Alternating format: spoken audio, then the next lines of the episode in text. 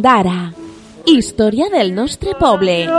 Programa que ens fotografia Ondara al llarg de la seva història. Amb Toni Marí. Hola a totes i a tots, estàs en el programa Ondara, Història del nostre poble, un espai que pots escoltar a Ràdio La Veu d'Ondara en el 107.4 de la FM. El nostre convidat d'avui és Josep Antoni Gisbert, ell és l'arqueòleg municipal de Dènia i amb ell parlarem sobre el castellet de Segària i el poblat Iber que hi havia allí. Ell ens està eh, escoltant a l'altra part del telèfon i el saludem. Josep Antoni Gisbert, bon dia, com estem? Bon dia. Moltíssim, Molt bé. moltíssimes gràcies per atendre Ràdio La Veu d'Ondara. Com he dit, m'agradaria que parlàrem sobre el castellet de Segària i el poblat Iber. Tinc entès, Josep Antoni, que fa uns mesos eh, vas realitzar com una espècie de- d'excursió per allí per a explicar exactament què és el que hi havia. És així? Així és. Eh, aprofitant el 9 d'octubre en el que fem una programació sempre de tant de conferències com de visites guiades, vam realitzar eh, una visita guiada eh, concretament al castell de Segària, en el qual indefectiblement havies de passar també per el poblat ibèric del Passet, però va ser monogràfic sobre un castell del temps de Jaume I, que és el tema un poc del 9 d'octubre. Perfecte. I com era aquest castell? A veure, eh, el, castell- eh, vam, aprofitar per escorcollar una sèrie de materials que vaig, que vaig recollir jo mateix eh, fa molt, molts anys, molts anys, en l'any en l'any 80 i 81. Eh, S'havia cremat eh, tota la part de baix de lo que seria el castell de Segària. Avui en dia n'hi ha un, un verdader bosc en el qual és impossible veure res, però aleshores eh, n'hi havia un conjunt de ceràmica ben interessant que ens va ajudar un poc a conèixer un poc les arrels d'aquest castell. Uh -huh. Eh, aleshores, eh, la ceràmica el que dia és que és un gisn eh, de quasi primera generació, que en la primera meitat del segle XI ja és un gisn. N'hi ha que tenir en compte que en el poblament musulmà l'estructura del poblament és un gisn o, ca o, o castell, veritat, que està normalment en, en un cim geogràfic, i després un conjunt de una, dos, tres, quatre alqueries i una, dos, tres, quatre rafals.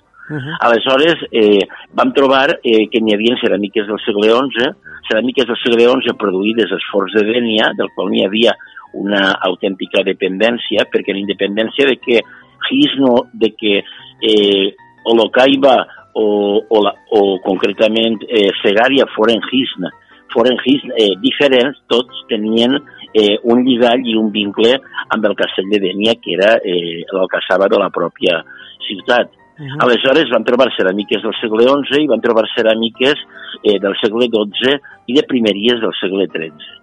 Uh -huh. Eh, era interessant també perquè entre aquestes ceràmiques n'hi havia un conjunt, un conjunt de fragments de fornets portàtils, la qual cosa indicava que en este castell n'hi havia, eh, diguem-ne, a primeries del segle XIII, just al moment anterior a la conquesta, com una mena de guarnició que vivia allí, que es feia el menjar allí. I van trobar tot un conjunt de eh, ceràmiques, eh, diguem-ne, d'aquesta època.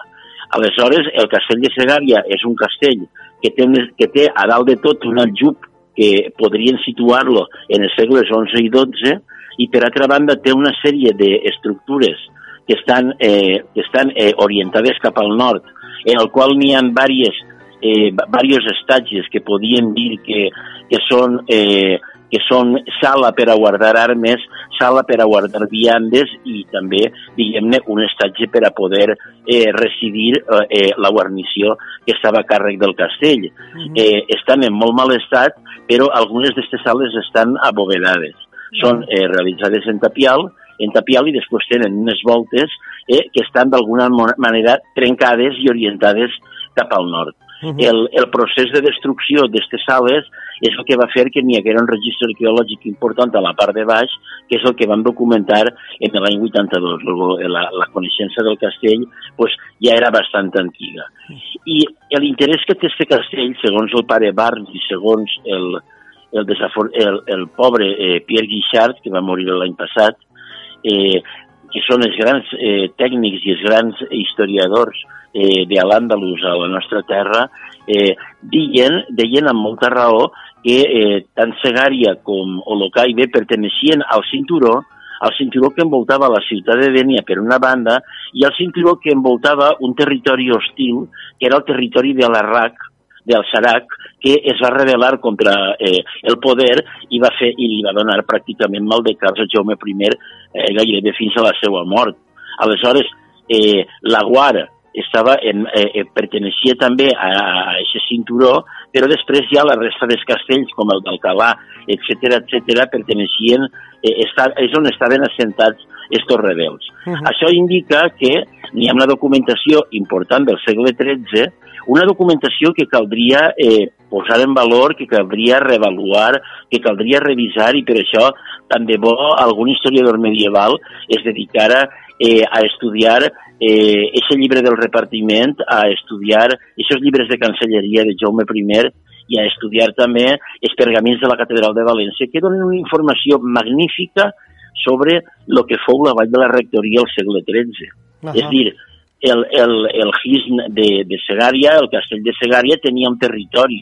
En aquest territori l'alqueria principal era Vinivalim, Vinivelim, que era Benimeli i per altra banda tenia una sèrie de rafals en el qual un d'ells és el ràfol, el ràfol del Muni actual, però que el ràfol ve d'ahir, Sacra, que era Sagra, que també era un, un rafal, eh, i després eh, un molí, eh, bueno, també Sanet i els Negrals, que en alguns casos diuen que són rafals i en alguns casos diuen que algun d'ells és alqueria, també és lo de menys, perquè les fonts cristianes estan anotant i no tenen la percepció perfecta de, de diguem-ne, de la tipologia dels assentaments. I després, en el cas de Beniarbeig, Ondara, ho dic perquè per la proximitat, jo penso que Ondara tenia una dependència ja directa del castell de Dènia, uh -huh. i també Cremaella, i també Vinyals.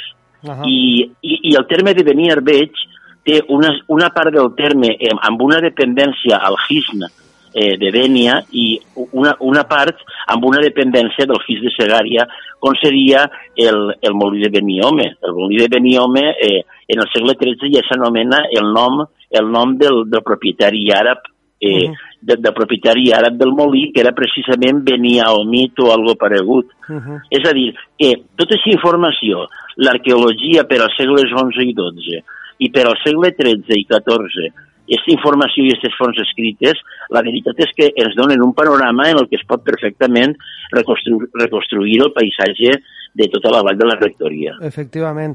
Has comentat, Josep Antoni, que en aquests moments és molt difícil veure les restes perquè és un bosc. De tota manera, físicament on estava eixe castellet? Més o menys? Ah, no, no, el castellet està... Eh, tu, a veure, tu puges eh, fins al repetidor de televisió sí el repetidor de televisió de Segària, que es puja des del Ràfol d'Almúnia, sí. i quan t'aplegues dalt, vas, eh, vas, eh, passes tot el que seria el poblat ibèric del Passet, i quan t'aplega al final el veus penjat en el talús de la roca una sèrie d'estructures que pertanyen al castell de Segària. O sigui que sí que es veu. Es veu perfectament, ah, sí, val, sí. val, val, d'acord. I, es pot anar, I es pot anar fins allí eh, fins allí i veure exactament les estructures uh -huh. que estan en molt mal estat i es pot pujar a la part de dalt i veure eh, l'aljub, l'aljub que seria l'estructura més antiga, perquè, clar, un hism d'aquestes característiques, el primer que tenia que tindre és un aprovisionament d'aigua permanent. Uh -huh. Els hisnes estaven bàsicament com, una, com un símbol del poder de cara a pagar impostos, però també d'un lloc en el que, en el cas que n'hi haguera algun problema, algun problema, algun conflicte bèl·lic, algunes ratzies i tal, tots de les alqueries i de rafals anaven fins al castell, fins al Gisna, per a, per a, eh, per a refugiar-se. Uh -huh. Eren, era un castell refugi i per tant necessitava evidentment que n'hi haguera, que n'hi haguera aigua. Uh -huh. Has comentat, eh, Josep Antoni, que de camí al Castellet de Segària es passa per un poblat Iber. Què ens podries dir sobre el mateix? Bueno, el poblat Iber és conegut des de l'antiguitat i hi ha que tenir en compte que estem parlant de l'estructura del poblament àrab, però abans n'hi havia una estructura de poblament romà uh -huh. i n'hi havia una estructura de poblament ibèric de poblament romà, de poblament romà, eh, just allí tenim, per exemple, la vila romana de Cascalls la Rota, en terme municipal de Tormos, o tenim la, la vila romana de la vila romana de Caems, del Magnolio, del molí del Magnolio en Sanet i Negrals, eh, o tenim les plantaes de Benidoleig una mica més lluny, o tenim una mica més lluny eh, la vila romana de, de, de, de Vinyals, en Ondara, de veritat, però en anterioritat, eh, vull dir, en, en anterioritat a la vila romana n'hi havia un poblament ibèric que ara a poc a poc, mitjançant eh, inspeccions i mitjançant troballes, estem evidenciant que està per lo que seria el pla en el mateix lloc normalment que les viles romanes, però n'hi havia un assentament ibèric tan important eh, com el del Mongó. El del Mongó és un assent ibèric que entre l'alt de Benimaquia, el Coll de Pous i el Pic de l'Àguila eh, té una persistència des del segle VII de, abans de Crist fins al segle I abans de Crist. En el cas de Segària tenim un poblat ibèric en el que n'hi ha ceràmiques àtiques, n'hi ha eh, ceràmiques del segle VI, eh, algunes R1 d'àmfores d'importació eh, d'importació fenícia i després n'hi ha eh, materials, sobretot una, una gran densitat de materials del segle I abans de Crist. Mm. Té una muralla, té una muralla eh, com la de qualsevol poblat ibèric i a banda eh, té una, un segment del circuit emmurallat fet en grans sillars realment magnífic i que eh, alguns estudiosos de la Universitat d'Alacant han, han volgut eh, d'alguna manera relacionar-lo amb l'episodi sertorià. Uh -huh. És dir, en la possibilitat de que, de que aquest poblat ibèric s'haguera pogut emprar com una mena de destacament eh, de destacament romà i que tinga arquitectures eh, del temps de, de Sertori, de cap al 70 eh, abans de Crist. Uh -huh. És una proposta que està ahí, que és interessant, que està justificada en part, però en el que cal posar l'accent, perquè en independència de que, de que Segària tinguera en el moment sertorià eh, diguem-ne, unes arquitectures i tal i tal, el que està clar és que el poblat ibèric de Segària era un gran poblat ibèric eh, molt ben emmurallat i que d'alguna manera este, formava part de, del paisatge d'assentaments ibèrics de la Marinal. Uh -huh. Dos preguntes més, Josep Antoni. Creus que si es furgara més per Segària es podrien trobar més coses? Evidentment, i en el castell de Segària eh, també, però eh, deixem, deixem alguns jaciments per al futur. És a dir, que, que sí, que sí, que es podria fer i que es podria excavar i que apareixerien tota una sèrie de cases o en el cas de que haver tingut realment en època sertoriana, eh, diguem-ne, un paper rellevant, una sèrie de casamates eh, i, en definitiva, estatges i arquitectures en l'interior de la muralla. Uh -huh. Però la veritat és que de, després d'haver passat jo 40 anys, eh, 40 anys de praxis arqueològica, pense que n'hi ha que deixar alguns jaciments que respiren uns quants anys després, perquè de vegades el tema d'incidir en un procés d'investigació, d'exhumació de, d'estructures, eh, després moltes vegades no va acompanyat d'una musealització i d'una protecció i, per tant, d'alguna manera pot ser contraproduent. Uh -huh. eh, el Segària, el, el Passet, en la situació en què està ara, eh, és una verdadera meravella i, i es pot fer una visita guiada eh, ben bona, ben bona explicant eh, tot sense necessitat de, de, de, de procedir a lo que seria l'excavació integral d'aquest. Uh -huh. I ja per últim, Josep Antoni, com catalogaries Ondara des d'un punt de vista arqueològic, amb tota la informació de què disposes? Bueno, Ondara va ser pràcticament la primera excavació que va ser jo, en la, que, que va ser fa poc en la premsa, que era com una mena de redival del que havia passat, en Vinyals, veritat, sí. quan, quan, la, -huh. quan, va creu, quan va creuar l'autopista sense ningun tipus de, de procediment arqueològic, va trencar en el morro de Segària, al terme municipal del Verger i de Ondara, una sèrie de sitges eh, prehistòrics i després eh, va arrasar per complet una part molt important de la vila romana, de la part residencial de la vila romana, deixant-se en el camí de, en el camí d'accés eh, en un dels camins d'accés a la necròpolis i en l'altre les restes de lo que serien dos forns, la bateria de dos forns romans d'àmfores del segle I eh, després de Crist, però quan nosaltres vam entrar eh, l'esplanada de l'autovia ja estava feta, ja s'havia trencat tot allò que s'havia després, eh, on d'ara té diversos jaciments romans eh, importants, en pujades, en tossals, etc etc en la circunvalació esta que n'hi ha entre les hortes de Pamis i tal, han hagut troballes eh, ben interessants i per la seva situació topogràfica eh, és eh, d'alguna manera un verdader, eh, un, vamos, és eh, des del punt de vista de la romanització, és probablement un dels termes que, que, té, més, eh, que té més interès de la comarca. Una sí. altra cosa és que en l'actualitat, d'alguna manera, estiga eh, posant-se l'accent sobre el tema.